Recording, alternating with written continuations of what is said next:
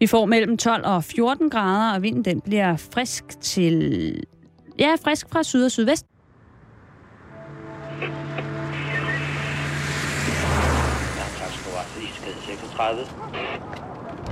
God eftermiddag og velkommen til Halløj i betalingsringen. Du lytter til Radio 24 /7. Det er torsdag, og derfor bringer vi den næste times tid et portræt.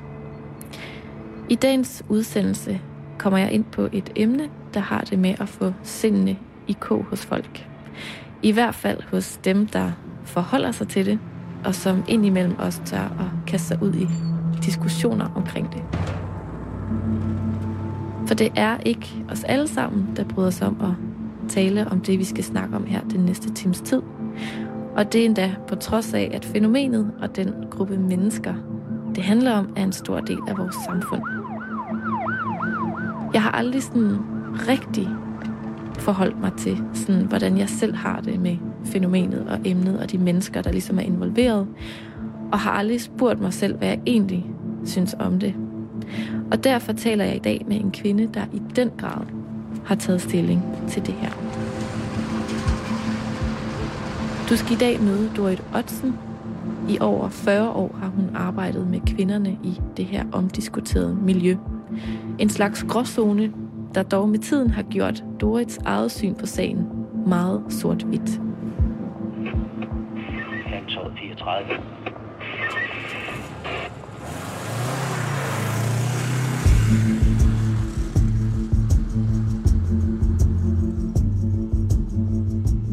Du lytter til Halløj i betalingsringen.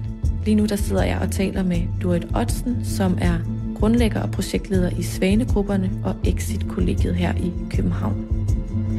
Vi taler om prostitution i Danmark og hvordan det har udviklet sig igennem tiden, og også om, hvad det egentlig er, der, øh, der ligger til grund for debatten omkring, om det skal lovliggøres eller om det skal kriminaliseres.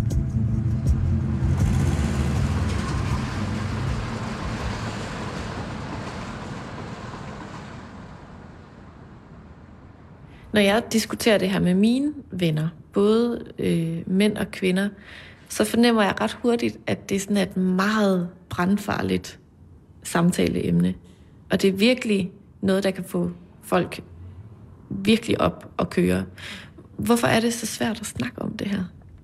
Jamen, jeg ved ikke, hvorfor det er så svært at snakke om det. Jeg tror, altså meget folk blander jo øh, seksualiteten ind i prostitutionen. Og der er ikke nogen, der vil have begrænsninger i sit liv. Det vil danskerne jo ikke bestemt overhovedet på nogen måder. Vi vil have lov til at gøre det, vi vil, når vi vil. Simpelthen. Og når prostitution er legal, så vil vi også have lov til det. Og det bliver jeg nødt til at sige, det er der heller ikke nogen, der gør noget ulovligt i, sådan som det er. Så kan man snakke om det moralsk forkert. Og der synes jeg, at moral er på sin plads. Fordi jeg synes, det er moralsk forkert. At man benytter sig af andre mennesker på den her måde. Uanset om de annoncerer i Ekstrabladet, eller er på nettet, eller ej, så synes jeg, det er det. Men argumentet er jo også hele tiden, altså for mændene, det kan jo være en dag, man får brug for det. Og, og hvis du spørger danske mænd, hvem er han prostitutionskunden, så vil danske mænd sige, det er ham den aparte, han er lidt aparte. Det er ham den tykke, den dumme, den grimme. Ham, der har det svært med kvinder.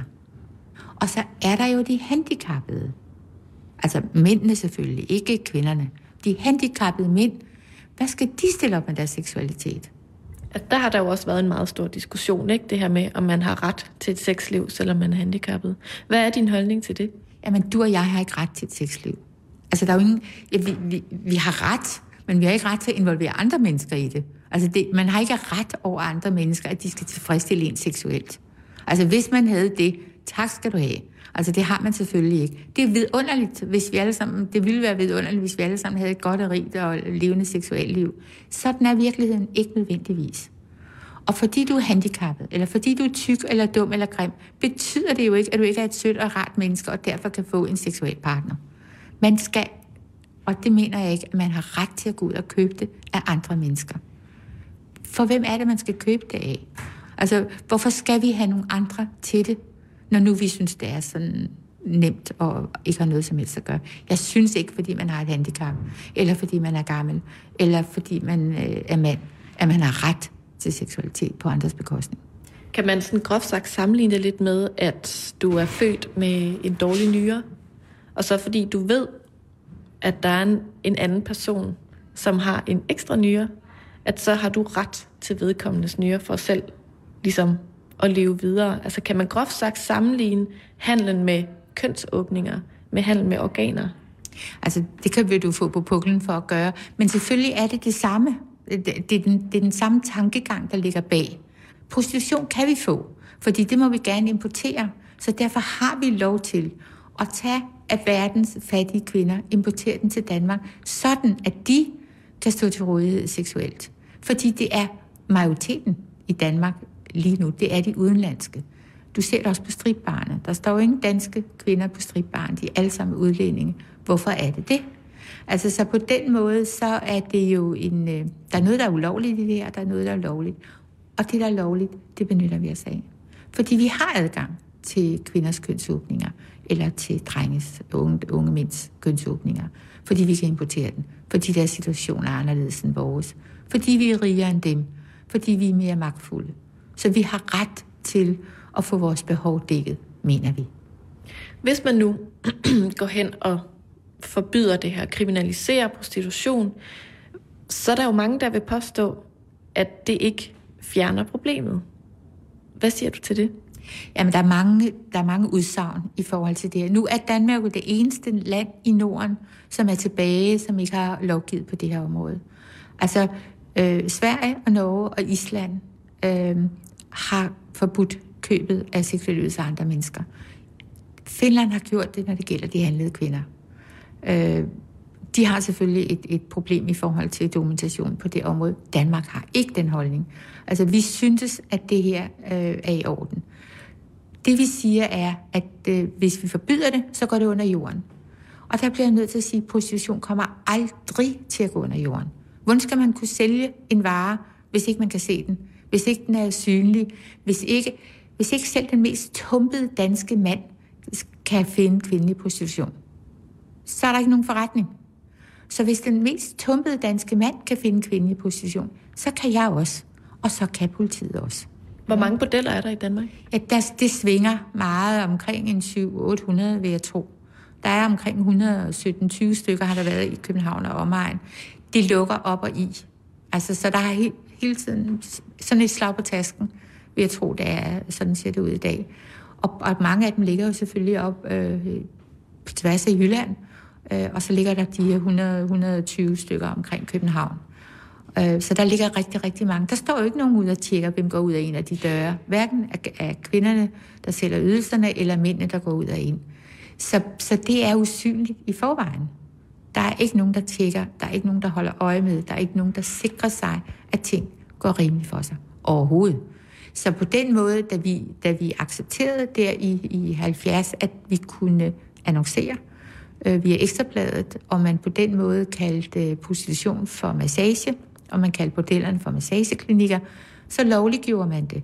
Og Ekstrabladet er jo landets største ruffer. De tjener millioner på den her sag. Øhm, og de gør det skrupelløst. Og, og det kan jeg godt forstå, for jeg tror ikke, Ekstrabladet vil overleve uden.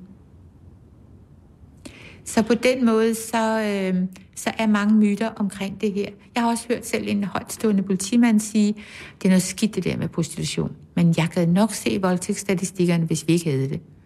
Og der bliver jeg nødt til at sige, som medlem af det danske voldsobservatorium, at man kan gå ind i Danmarks statistik tilbage fra 1990 og se antallet af anmeldte voldtægter. Fordi så burde med det her store boom af udenlandske kvinder og antallet af kvinder i prostitution, så burde voldtægter være afskaffet. Desværre er antallet af voldtægter stigende. Og det er jo tankevækkende. Og det er noget, man ved, at kvinder i prostitution har en meget større risiko for voldtægt end os andre. Og hvorfor det? Ja, fordi mænd, der har det sådan med kvinder, de vil gøre fortræd. De gør jo, altså dem, der banker konen, banker jo aldrig chefens. De kan godt styre sig, at de kommer hjem og banker deres egen. Så mænd, der vil gøre kvinder fortræd, går ud, hvor risikoen for dem selv er mindst. Det er de stofmisbrugende kvinder.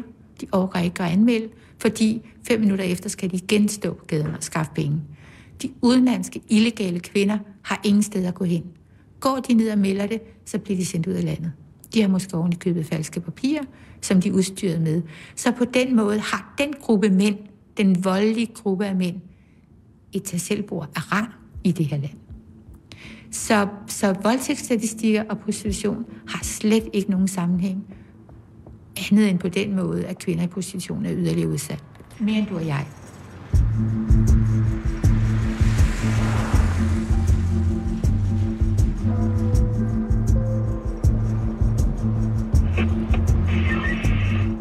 Taxa på vej til Skildbækgade.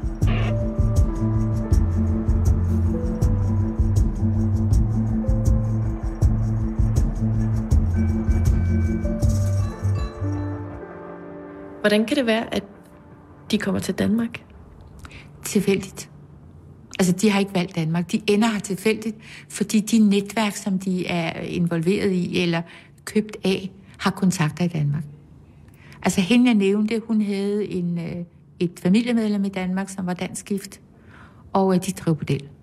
Hun troede, hun skulle op og have en frisøruddannelse, sådan at hun kunne være med til at sende penge hjem til den resterende familie i Nigeria. Hun sad allerede samme eftermiddag, hun kom, hvor hun solgte øh, via bordellet. Så, så øh, de har ikke valgt os. De endte ved en tilfældighed. Så det har ikke noget at gøre med, at fordi det er lovligt i Danmark, så er det også et godt sted at komme op som prostitueret? Jo, det kan det være for bagmændene. Men kvinderne har ikke valgt. Altså de kvinder, vi har her, øh, og offerne for menneskehandel, som vi har på Reden Internationals krisecenter, har ikke valgt Danmark. Deres bagmænd har valgt Danmark. Altså vi har haft kvinder her, som troede, de var i England. Vi har haft kvinder her, som troede, de var i Tyskland. Som, som bliver lander med et fly et sted og bliver kørt i bil et eller andet sted til et bordel i Jylland. De aner ikke, hvad Danmark er. De aner ingenting. Vi havde en kvinde, som blev fundet lidt uden for Vejle. Hendes mål var, hun kom fra Thailand. Hun var blevet lovet et job i Australien. Altså forestil dig, så vågner du op i hvad? Danmark. Hvor kommer man fra? Altså, så der er rigtig mange... Øh, øh, det er i hvert fald ikke dem, der vælger. Og det, man kan sige omkring den her gruppe, jeg har aldrig troet, at jeg skulle arbejde med en mere sårbar gruppe, end de stofafhængige kvinder på gaden ud for redden på Vesterbro. Men jeg bliver nødt til at sige, der er mange af de samme komponenter i offerne for menneskehandel. De kommer fra de samme øh, familieforhold, og så har de det oveni, at nogen har solgt dem. Øh, så de minder meget om stofmisbrugerne. På den måde, at, øh, at hele deres baggrund ligner så når menneskehandlerne går ud og rekrutterer eller øh, samler kvinder op, så gør de det selvfølgelig i områder, hvor ingen efterlyser den. Altså man går ikke ud og tager et, et barn af to velfungerende forældre, for de vil gå lige til myndigheden med det samme. Øh, der er ikke nogen, der efterlyser de her kvinder. Så længe at prostitution er lovligt i Danmark, som det jo er lige nu, er det så også lovligt at købe sex hos sådan en importeret kvinde? Nej, det er det i virkeligheden ikke. Men, øh, men hvem skal kontrollere det, og hvordan kan du bevise, at øh, manden skulle kunne vide, at hun var over 18 år, eller hun var 21 på model, eller hun ikke, at hun var handlet? Jyllandsposten lavede engang en undersøgelse, fordi 38 procent i den her store undersøgelse over mænd, der køber prostitution i Danmark, viser, at 38 procent har købt udenlandske kvinder. I dag tror jeg, at det tal må være betydeligt højere, men dengang var det 38 procent. Vi har en meget veldokumenteret sag fra øh, pornobutikken nede på Istegade, hvor Rose blev solgt af et, øh, et dansk udenlandsk par sat derned. Hun er engelsktalende, det er hendes, hendes modersmål, øh, så hun kunne kommunikere. Danske mænd kan engelsk. De kan måske ikke thai, eller de kan måske ikke portugisisk, eller russisk, men de kan engelsk. Så, og hun var øh, solgt, og hun kunne fortælle dem, at det var hun at hun gjorde det ikke frivilligt, at hun havde det forfærdeligt. Og så sagde de, nå, det var synd, skat. Og så knippede de hende, og så sagde de, så kan du gå på City-stationen. Så, så, så på trods af, at kvinderne kan kommunikere til mændene, det er ikke mit frie valg. Jeg har ikke valgt det her, eller hjælp mig. Så hjælper det ikke noget. Der er langt imellem de mænd, der hjælper kvinderne ud af bordellerne. Der er få, men der er langt imellem Du sagde før, at øh, det var cirka 14 procent af de danske mænd, der har været hos en prostitueret. Hvad er det for nogle mænd? Altså jeg kan jo regne ud i hvert fald, at det nok betyder, at jeg højst sandsynligt kender en eller flere, der har købt seksuelle ydelser hos en kvinde. Hvad er det for nogle mænd, og hvad er det, de får ud af det?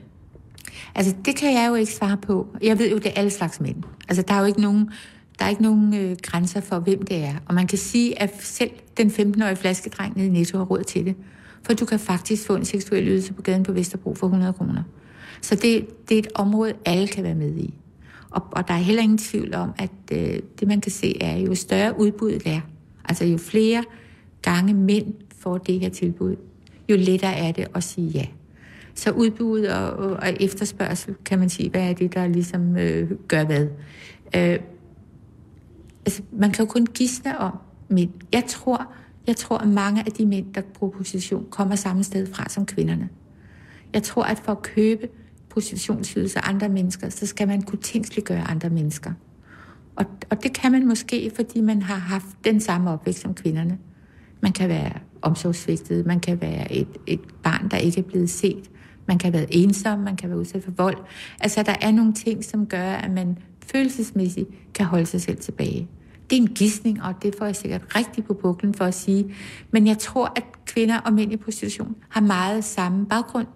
At de er meget, kommer samme sted fra. Øh, fordi, hvorfor er det, at øh, 14 procent køber, og, og øh, 86 ikke gør? Altså, hvad er der forskel på de mænd? Øh, men et eller andet sted er der jo en grund til, at den ene mand aldrig kunne drømme om at købe det, og den anden synes piece of cake. Altså, og det er min ret, og det er jeg lov til, og kvinder er til for det samme. Hvorfor? Det spørgsmål, det er der ikke kommet svar på.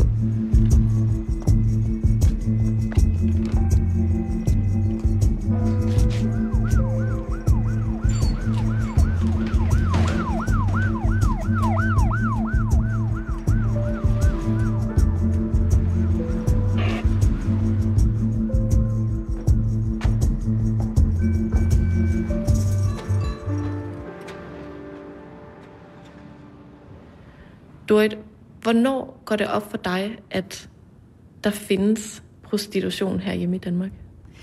Ja, i Danmark, øh, altså prostitution finder jeg ud af allerførste gang, da jeg arbejder som meget ung 18-årig, øh, hvor jeg bor i Paris, og vasker op på en øh, glas op på en restaurant i Montmartre. For lige uden for vinduerne, der går faktisk øh, flere kvinder, der sælger sig selv, eller der går faktisk flest mænd, som illuderer kvinder og som er fantastisk flotte og smukke, men som sælger sig på stemmen, fordi de har en mandestemme. Og, og det så jeg selvfølgelig på med undren, uden at jeg på den måde tog stilling, ligesom så mange heller ikke tager stilling i dagens Danmark. Kan du prøve at forklare, hvad du helt præcis så? Jamen, jeg så jo køb og salg af mennesker, og, og, øh, og jeg undrede mig, men jeg, men jeg reflekterede ikke, og jeg tog ikke stilling. Øh, jeg syntes, det var, var mærkeligt. Altså, Øhm, og, og så gjorde jeg faktisk ikke mere ved det. Der går faktisk øh, flere år, før jeg øh, begynder at blive konfronteret med prostitution i mit daglige arbejde. Og det er da jeg begynder at arbejde med stofmisbrugere i 72, hvor, øh, hvor det at øh, gå i strassen, det var Kalle Kælenavnet for Istegade. Det var der, de unge kvinder gik ned og, og hentede de penge, som de skulle bruge til stofferne øh, dagligdagen. De unge mænd sagde faktisk også, at de gik i strassen. Men de gik op på hovedbanegården. Nej, slut, de gik op på Rådspladsen, hvor der dengang var underjordiske toiletter, og hvor enhver pædofil eller homoseksuel vidste, der kunne man købe sex af drenge. Mm. Og, og, og det var sådan. Det var en, en kendskærning, at skal du bruge 1000 kroner om dagen, så er der ikke så mange andre måder at skaffe dem på. Da du så kommer hjem til Danmark, øhm, hvad tænker du så om lige præcis det fænomen? Jamen, så kommer jo kvindebevægelsen. Og, og det man, sådan som man ser på kvindelig position på det tidspunkt, så man hende lidt som en kønsfjende. Jeg tror, vi har øh, som kvinder været, vi har taget afstand fra kvindelig prostitution, men vi har også set hende lidt som en fare. Og hun, øh, der i 70'erne, så repræsenterede hun jo de sorte næststrømper og de lange røde negle. Altså, der var ikke meget smækbukser og blæ over, over den forestilling. Så jeg, der var ingen i kvindebevægelsen, der på det tidspunkt forholdt sig til kvindelig prostitution. Der var ingen, der så bagom og så, hvad er det for nogle samfundsmæssige og økonomiske vilkår, som får den her kvinde til at vælge den her vej. Vi forholdt os simpelthen ikke til det. Ikke på nogen positiv eller nysgerrig måde. Hvornår begynder du rent professionelt at forholde dig til prostitution herhjemme i Danmark? Jamen, det starter øh, ved, at jeg er leder af noget, der hedder Erhvervssekretariatet, som er et arbejdsoptræningsprojekt for unge med misbrug øh, og psykiske problemer. Og, øh, og der har jeg en øh, kvindegruppe, 13 kvinder ud af, af nogle 50 unge, Øh, jeg samler kvinderne, fordi øh, de har nogle fællesnævner. De har selvfølgelig været misbrugt, de fleste af dem, men de har også øh, volden med som en, en kendskærning, og de har prostitutionen. Alle havde prostitutionen. Og jeg så jo, der var nogle øh, fællesnævner, og øh, jeg spørger en, øh, en af de unge kvinder, øh, som har været i lang tid behandling. Hun har været i prostitution, fra hun var 13-14 år, og øh, kommer lige fra en langvarig behandling, og så har hun boet tre, efterfølgende tre måneder hos sin søster svoger, og så kommer hun ind i vores projekt. Og der spørger jeg hende, hvad det har betydet for hende at have været i prostitution. Jeg ved ikke, hvorfor jeg spørger, fordi jeg har mødt så mange andre med samme baggrund, men jeg spørger hende, og jeg er faktisk det første menneske, der spurgte hende. Ikke i 10 måneders behandling. Ikke søsteren og svoren har spurgt hende, hvad, øh, hvad det har gjort, og hvad der var, der fik hende til i så ungen alder at gå ind i prostitution. Det viser sig så, at øh, viseverden og hans kone, som var hendes dagplejeforældre, han har misbrugt hende fra hun var en ganske lille pige på en 3-4 år. Så det, det var hendes baggrund for ligesom at være trænet op og være ligeglad og ikke kunne mærke. Men det, fik jo en, det var en øjenåbner for mig, at øh, høre hendes historie.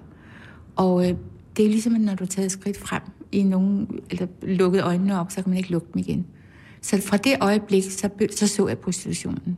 Og det var også årsagen til, at jeg søgte jobbet i redden, øh, da det blev slået op i, øh, i 89.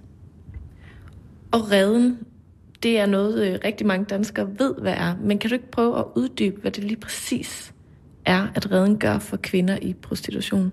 Jo, redden har en, øh, en baggrund, fordi den er oprettet, og det er redderne, som er fire. Der er to i København, redden og redden international, og altså, som har været mine arbejdspladser, og så er der redden i Odense og redden i Aarhus.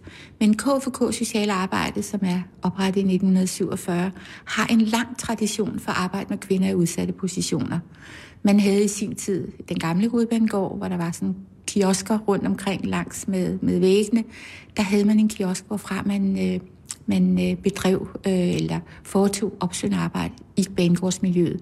Og det gjorde man dengang, fordi det var unge piger, som kom ind fra landet, fik en stilling som husassistent, og så røg de måske ud i utide, fordi de var gravide, hvilket tit var husherre eller søns øh, skyld, kan man sige, og der var ingen sted at gå hen og hente hjælp. Og mange var bestemt ikke velkomne hjemme, øh, efter at være kommet i det, man kaldte komme i ulykke. Øh, så hvor trækker man hen? Det samme sted som i dag, hvor der er mange mennesker, hvor man er lidt anonym, i hovedbanegårdens miljø. Og, og det man gjorde, der, det var, at man øh, kontaktede de unge piger for at forhindre, de endte i prostitution. Så den form for arbejde havde man en tradition for. Så kommer hele øh, opsvinget sidst i 60'erne. Alle kvinderne kommer på arbejdsmarkedet, i hvert fald gør rigtig mange, og man tror aldrig mere, at man skal arbejde for kvinders vilkår. Men der sker jo noget sidst i 60'erne. Der sker det, at stofferne øh, kommer til Danmark, og at de griber om sig, og det gør unge mennesker afhængige.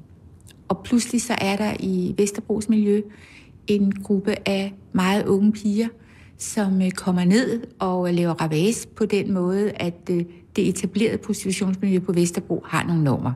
De har nogle priser, man bruger kondom, der er ting, man ikke sælger. Men de her unge piger var desperate og skulle bruge mange penge hver dag til stoffer. Så de sprængte jo alt, hvad de andre øh, møjsomlige havde bygget op. De solgte sig uden kondom. De solgte hvilke som helst ydelser, og de dumpede priserne. Så de fik selvfølgelig nogle bank. De fik ikke lov at stå i Istegade. De blev skubbet ud på Hansåret, som dengang var et rimeligt mørkt sted. Der var en stor bunker, og nogle kæmpe træer. Nu er det fint og fashionabelt, men det var det ikke dengang. Og der fik de lov at stå, de her unge øh, misbrugende kvinder, i 20 år, stort set upåagtet. Ingen i samfundet kærede sig om dem, for de var dobbelt stigmatiseret. De var luder, det var et frit valg. Og de var misbrugere, de var stofmisbrugere, de var junkier, og det var også et frit valg. Så det, de fik betegnelsen af med meget stor fag for samfundet, det var narkoluder. Og de kunne passe sig selv, kunne de, og det fik de så lov til. Og det blev redden skabt ud fra, og den åbner i 83. Den åbner som et tilbud, hvor tre aftener om ugen var målet, at man skulle holde åben, og der var en gruppe af frivillige, som, øh, som skulle stå for at at holde åbningstiderne. Og der var fint, og der var kaffe på kanden, og der var tomt hus. Der kom ikke nogen i starten. Men de frivillige kvinder var rødsnare, så de tog en kur over armen med kakao og kaffe og gik ud i miljøet og præsenterede sig. Fordi det var svært at vide, hvorfor kommer man ikke, når der pludselig er et tilbud og, om husly og varme. Og så kan det jo godt være, at fordi en kristen organisation så klart øh, markerer sig på facaden, at kvinderne har tænkt, vi skal ikke ind og frelses af noget eller nogen, eller det simpelthen bare er så svært at tage det første skridt ind over en dørtærskel. Jeg skulle lige til at spørge, hvordan, øh, hvordan redden så blev taget imod blandt de prostituerede på Vesterbro? Det blev meget hurtigt til et stykke. Og, og, og man måtte også meget hurtigt KFK Social Arbejde. Det hele blev drevet af private og indsamlede midler. Ansætte en socialrådgiver til at koordinere frivilligindsatsen og simpelthen sørge for, at der var åbent og, og sørge for, at der kunne øh, skaffes hjælp øh, til de her unge kvinder, som alle sammen havde hjælpbehov. Så fra det øjeblik, øh, at vi er sådan en gruppe af uddannede, som kommer på arbejde hver dag, så er det også muligt at sætte sociale øh, projekter i gang. Og det har vi så stort set gjort i redden siden, ud fra redden siden dengang. Det er jo vokset. I dag er redden jo åben i, øh, i, i 20 timer i døgnet, og har åben hver fredag fra kl. 3 om eftermiddagen til kl. 10 om mandagen. Så, så det er et tilbud, der er åbent, når alt andet er lukket. på vej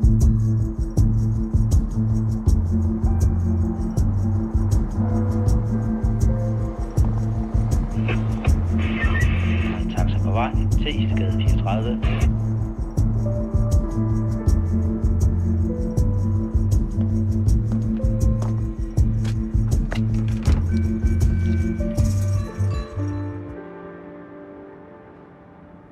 Kan du prøve at forklare, hvad Reden er for en organisation i dag, og hvad der ligesom er vokset ud af, af Reden oprindeligt?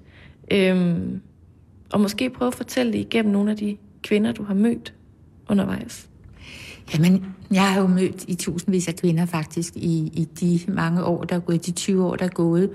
Og jeg har set, øh, jeg har heldigvis set mange kvinder komme igennem et øh, massivt misbrug og ud på den anden side og få det, som vi andre også synes er et, et ordentligt liv, et værdigt liv. Men jeg har også set alt for mange unge mennesker dø. Øh, dø af, af overdoser, som, som de har taget ved et uheld, eller fordi de ikke har magtet mere, eller som er døde af AIDS. Øh, eller de følgesygdomme, som der følger med, når man lever øh, et liv, hvor man stikker alt muligt ind i sin krop, altså sprøjter øh, urene stoffer ind, så man på den måde ikke er modtagelig, når man får en sygdom, for medicinen. Det menneskeliv, det unge menneskeliv, som er gået tabt, og det er det, der er så sørgeligt. Og jeg har hele tiden haft den holdning, at vi bliver nødt til at sætte seks forskellige metoder i værk.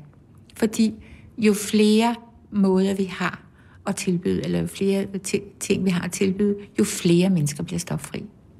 Så derfor at have en, en, en bred vifte af tilbud rammer flest muligt, for folk er ikke ens. De misbruger, ja, men, øh, men der hører ligheden jo så for mange også op.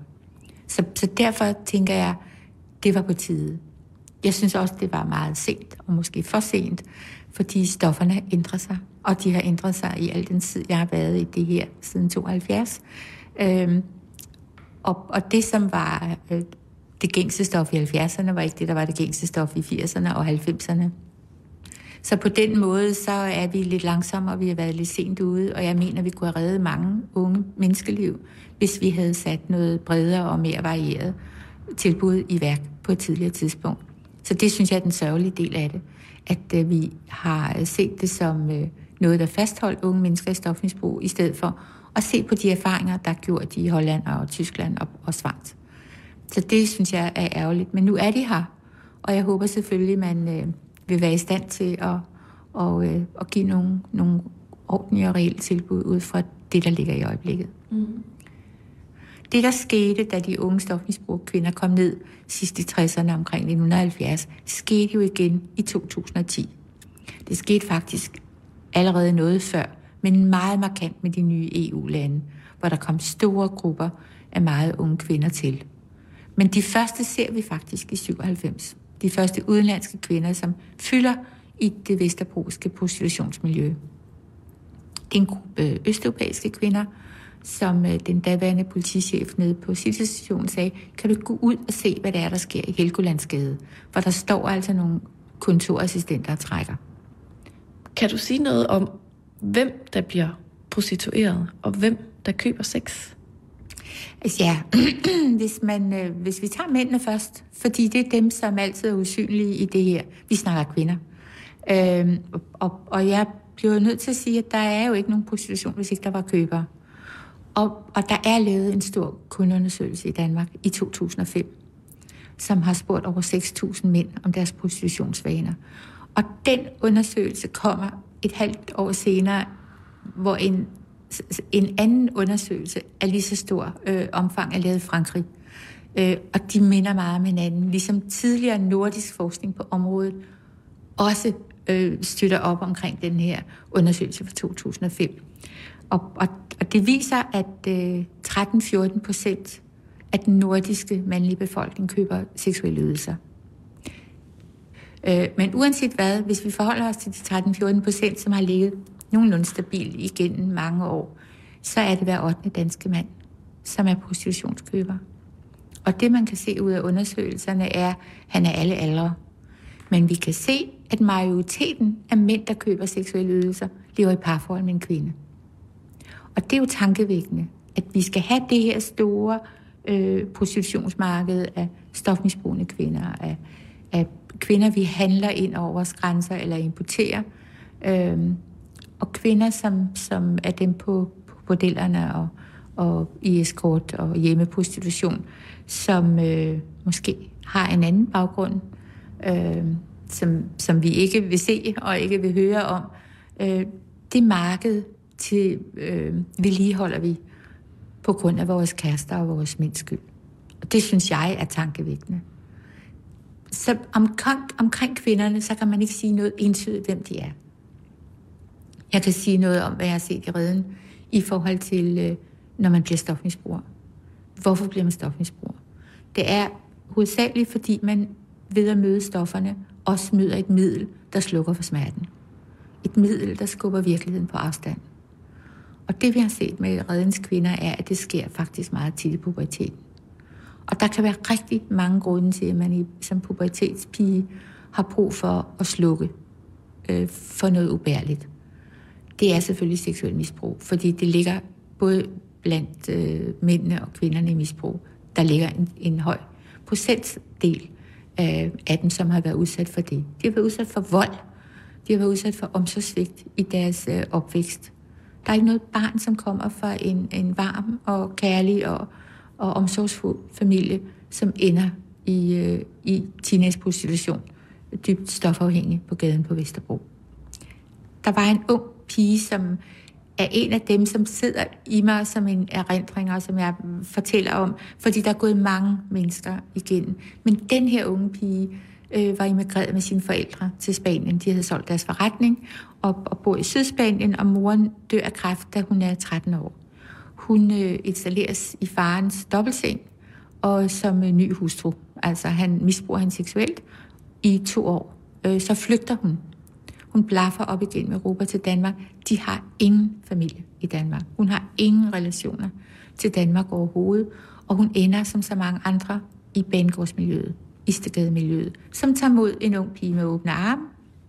Du kan få alt den stof, du vil til en start, og hun bliver meget hurtigt øh, stofafhængig.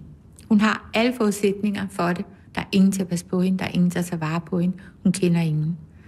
Og det, som øh, hun er øh, øh knap 18 år, da vi møder hende første gang, og, øh, og det hun gjorde, når hun ikke kunne holde det ud, det var, at hun smadrede en flaske, og så skar hun sig i brystet. Brysterne.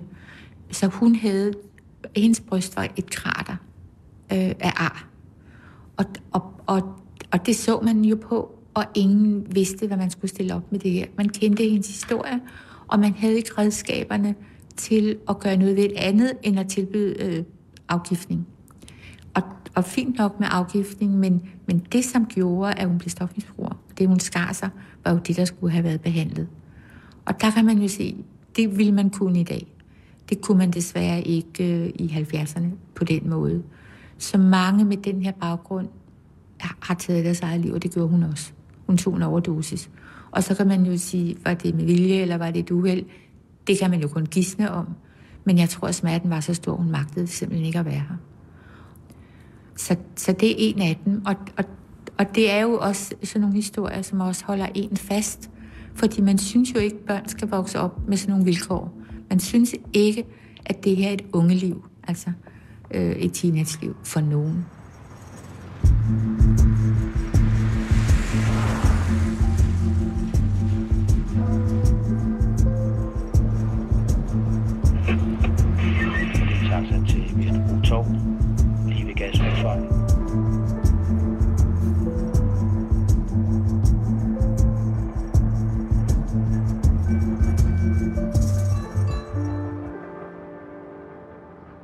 Nu tilhører vi to jo to meget forskellige generationer.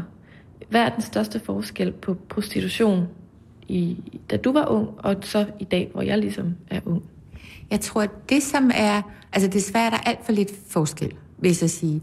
Men, men, men måden, man ser på prostitution på i din generation, uden at jeg på den måde selvfølgelig skal generalisere, for der er jo også rigtig mange nuancerede holdninger. Men, men det, jeg støder rigtig meget på, det er, at unge kvinder ser prostitution som en måde at udleve sin seksualitet på. Altså kvindens ret til egen krop. Frie kvinders frie valg. Altså, og, og det kan jeg kun øh, være 100% enig i, men jeg bliver nødt til at se, sige, at jeg ser ikke prostitution som en måde at udleve sin øh, seksualitet på. Der er sat en scene op, der er sat et skuespil op, som man går ind i, uanset hvem partneren er. Partneren er den med pengene, og det er den, der bestemmer. Og det er der, ting skiller. Det er ikke kvindens seksualitet, der bliver udlevet på den måde. Det kan hun gøre på hundredvis af andre måder. Og, og mandens, måske, måske ikke. Mm. Jeg ser rigtig mange ting i prostitution, som øh, ikke har med seksualitet at gøre, som er vrede, som er afmagt, øh, som er had, som er frustrationer. Altså en måde at få en, en, en, en intens øh, situation udløst på. Der er rigtig meget. Og så er der selvfølgelig, her er en kvinde, som ikke stiller spørgsmål, som ikke har ondt, som ikke er træt, som øh, ikke siger nej. Og det tror jeg er rigtig, rigtig vigtigt. Og du behøver ingen forspil. Du behøver ikke at klappe hunden og gå ned med skraldespanden eller være sød og rar. Du kan være fuldstændig, som det passer dig, og hun tager imod. Og jeg tror ikke på, når, man, når mænd ved, hvad man kan få kvinder til for småpenge, så går man ikke fra bordellet direkte tilbage på arbejdspladsen og kæmper for kvinders ligeberettelse eller har respekt for kvinder. Man går ikke hjem i sit parforhold, uden at man har et bestemt syn på kvinder. Og det tror jeg er skidt for både mænd og kvinders liv i det her land. Og jeg mener, at det så længe, at vi har et samfund, som siger, at der er nogle kvinder, de skal stå til rådighed seksuelt for os, der har lyst til det. Øh, lige så langt er vi fra et, en reel ligestilling. Hvad så med den lykkelige luder? Altså, der er jo kvinder i den her branche, som holder fast i, at det er noget, de selv har valgt, og at det er noget, de har ret til. Hvad er din holdning til, til dem? Altså, de gør jo ikke noget forkert. Jeg har jo været en af dem, som øh, i 90'erne var fortæller for, at vi skulle af med den lov, der kriminaliserede den, der solgte seksuelle ydelser.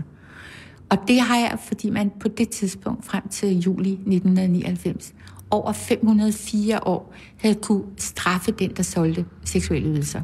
Og det bortset fra en meget, meget kort periode, øh, flere hundrede år tilbage, hvor man også satte fokus på manden, så har man kunne forfølge og straffe kvinden, der solgte seksuelle ydelser.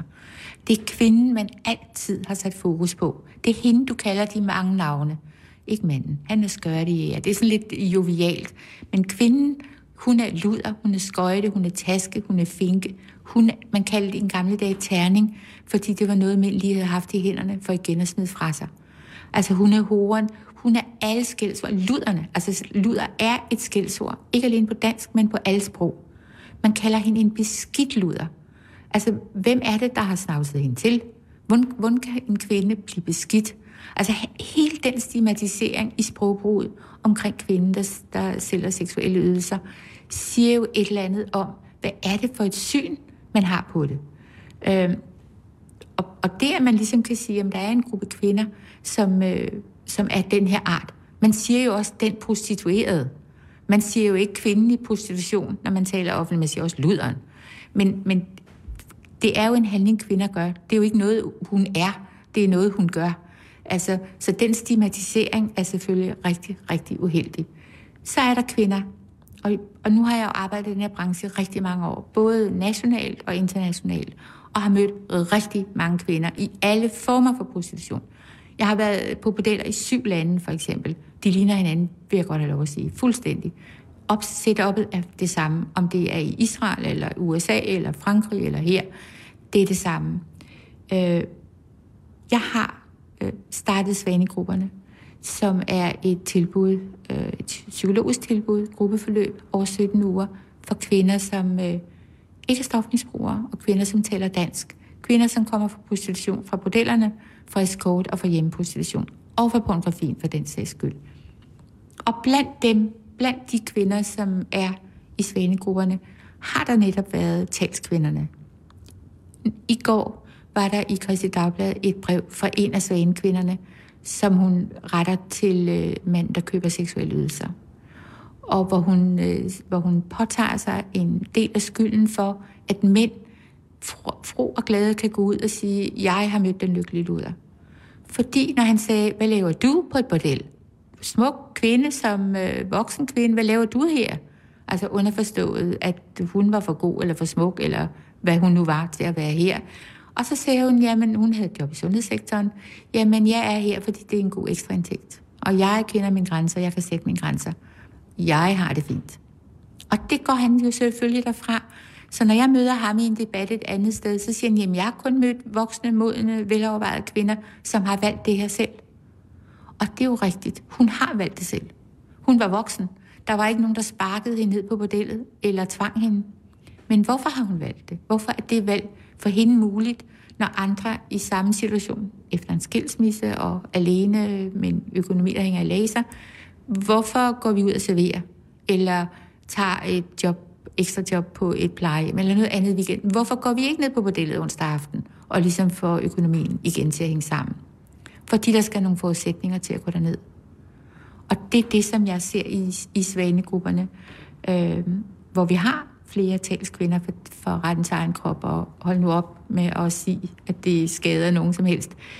Det er, at øh, de kan være til stede i prostitution, fordi de ejer evnen til at gå ud af egen krop. Altså de ejer evnen til at lukke af øh, for det, der sker, og ikke være til stede. Ikke at kunne føle, øh, øh, hvad det er, der sker. Se med hovedet, hvad der foregår, men kroppen mærker ingenting. Altså, det, og det afspejler jo den holdning, som jeg syntes, vi har til kvinden i prostitution. Altså, at hun skal stå til rådighed for alt det, vi andre ikke vil stå til rådighed for. Altså, at alt det, som loven beskytter os imod, det skal hun, fordi vi siger, at det har hun selv valgt. Det vil hun gerne. Det vil hun gerne tage imod. At det er godt nok for hende, men ikke godt nok for dig og mig. Jeg synes, det er utilstedeligt, og jeg mener, at man kan, der går ikke en, en, en skarp linje imellem det, man kan tillade sig, mener at kunne tillade sig over for kvindelig prostitution, og det, man mener at kunne tillade sig over for dig og mig. Jeg mener, at man kan lige så lidt tillade sig at udøve nogen som helst former for vold over for kvindelig prostitution, eller overskride hendes grænser, eller noget som helst, som man kan med dig og mig. Men vi bliver vurderet forskelligt. Også når vi går ned og anmelder. Dengang, hvor vi øh, konsekvent anmeldte voldtægter ud for redden. For det gjorde vi det jo, fordi vi hørte, da vi anmeldte en voldtægt, en grov, grov voldtægt af en af kvinderne, hvor den politimand, jeg mødte, sagde, ah, er du nu sikker på, at det ikke bare er lidt uenighed om betalingen? Altså, virkelig, her snakker man om en kvinde, som anmelder en voldtægt, som er blevet voldtaget ude i Sydhavn, som er blevet brændt med cigaretter, som har fået stukket ting op i sig, og desuden er blevet smidt ud af bilen uden tøj. Hvad snakker vi om? Og, og det er det filter, som mange ser kvinder igen. Prostitutionsfilteret.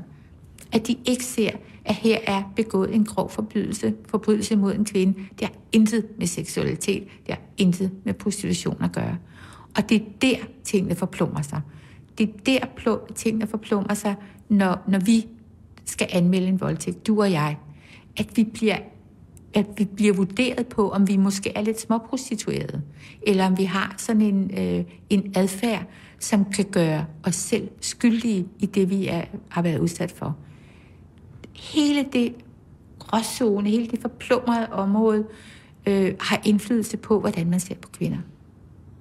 Så hvis man forbyder det her, hvis man forbyder prostitution, man kriminaliserer det, så mener du også, at det vil ligesom påvirke vores holdning generelt til kvinder i samfundet? Ja, det mener jeg absolut, det vil. Og jeg synes, nu har danskerne jo sådan med Sverige, at svenskerne, de er bare et eller andet forbudsland. Og de forstår ikke at more sig. Og svenskerne kan man ikke stole på. Men ikke desto mindre er det sådan, at fra 99 til nu, hvor de øh, iværksatte den her lov, der er antallet af tilhængere til loven steget. Og når du ser, øh, hvem der er de største tilhængere af den, så er det unge mennesker, og det er altså både mænd og kvinder. Min generations mænd, dem kan du ikke rokke ved. De har en holdning til, at kvinder er bare noget, man køber, og det er bare et spørgsmål om pris, og alle kvinder til salg. Den gælder ikke de unge. Og de unge vokser også op med ligestillede øh, piger, altså adgang til samme uddannelse, øh, samme karriereforløb. De ser ikke kvinder som noget, som en handelsvare.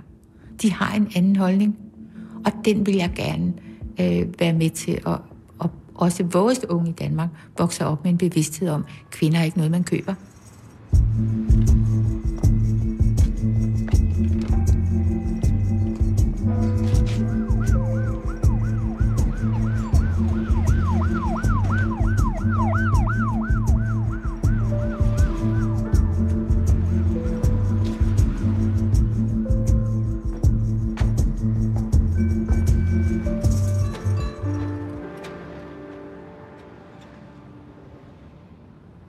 Så hvis jeg på et tidspunkt får øh, nogle børn, måske får en søn, så vil han, så dit drømmescenarie er ligesom, at han vokser op i et samfund, hvor at prostitution er, er lige så ulovligt som at køre spritkørsel, for eksempel. Ja. At det ligesom er, øh, det gør man bare ikke. Både fordi, at det selvfølgelig er øh, moralsk forkasteligt, men også fordi det simpelthen er ulovligt. Det tror jeg på. Og når du spørger mange unge mænd, mange unge mænd vil synes, det var den mest ensomme færd at knippe en kvinde, som øh, er ligeglad med den, som man bare har betalt et par hundrede kroner for. Altså, så der er rigtig, rigtig mange, som øh, ikke overhovedet kunne drømme om at købe prostitution. Noget, jeg har undret mig lidt over i, i den her debat, det er, at der ikke er flere mænd, der står frem øh, åbent og erklærer, at det her er ikke noget, de gør. Jeg tænker, at når der er så mange mænd, der køber sex, så må det jo også virke sådan stigmatiserende på, på, på flere mænd, også dem, der ikke gør det. Hvorfor tror du ikke, der er flere, der ligesom altså, bakker op omkring, øh, hvad skal man sige, en, en kriminalisering af det her? Hvorfor er der ikke flere mænd, der gør det? Jamen, jeg tror, at øh, jeg kan selvfølgelig ikke vide, hvad ens bevæggrunde er, men jeg har jo selvfølgelig hørt rigtig mange argumenter. Altså, for det første, så har kvinderne selv valgt. Så, og det må de selv om. Det er et af argumenterne. Men det andet er jo, at det, jamen det, hvad skal de der mænd, der har det svært, gøre? Hvad med de handicappede? Det er da synd for de handicappede. Hvor skal de få deres seksualitet fra?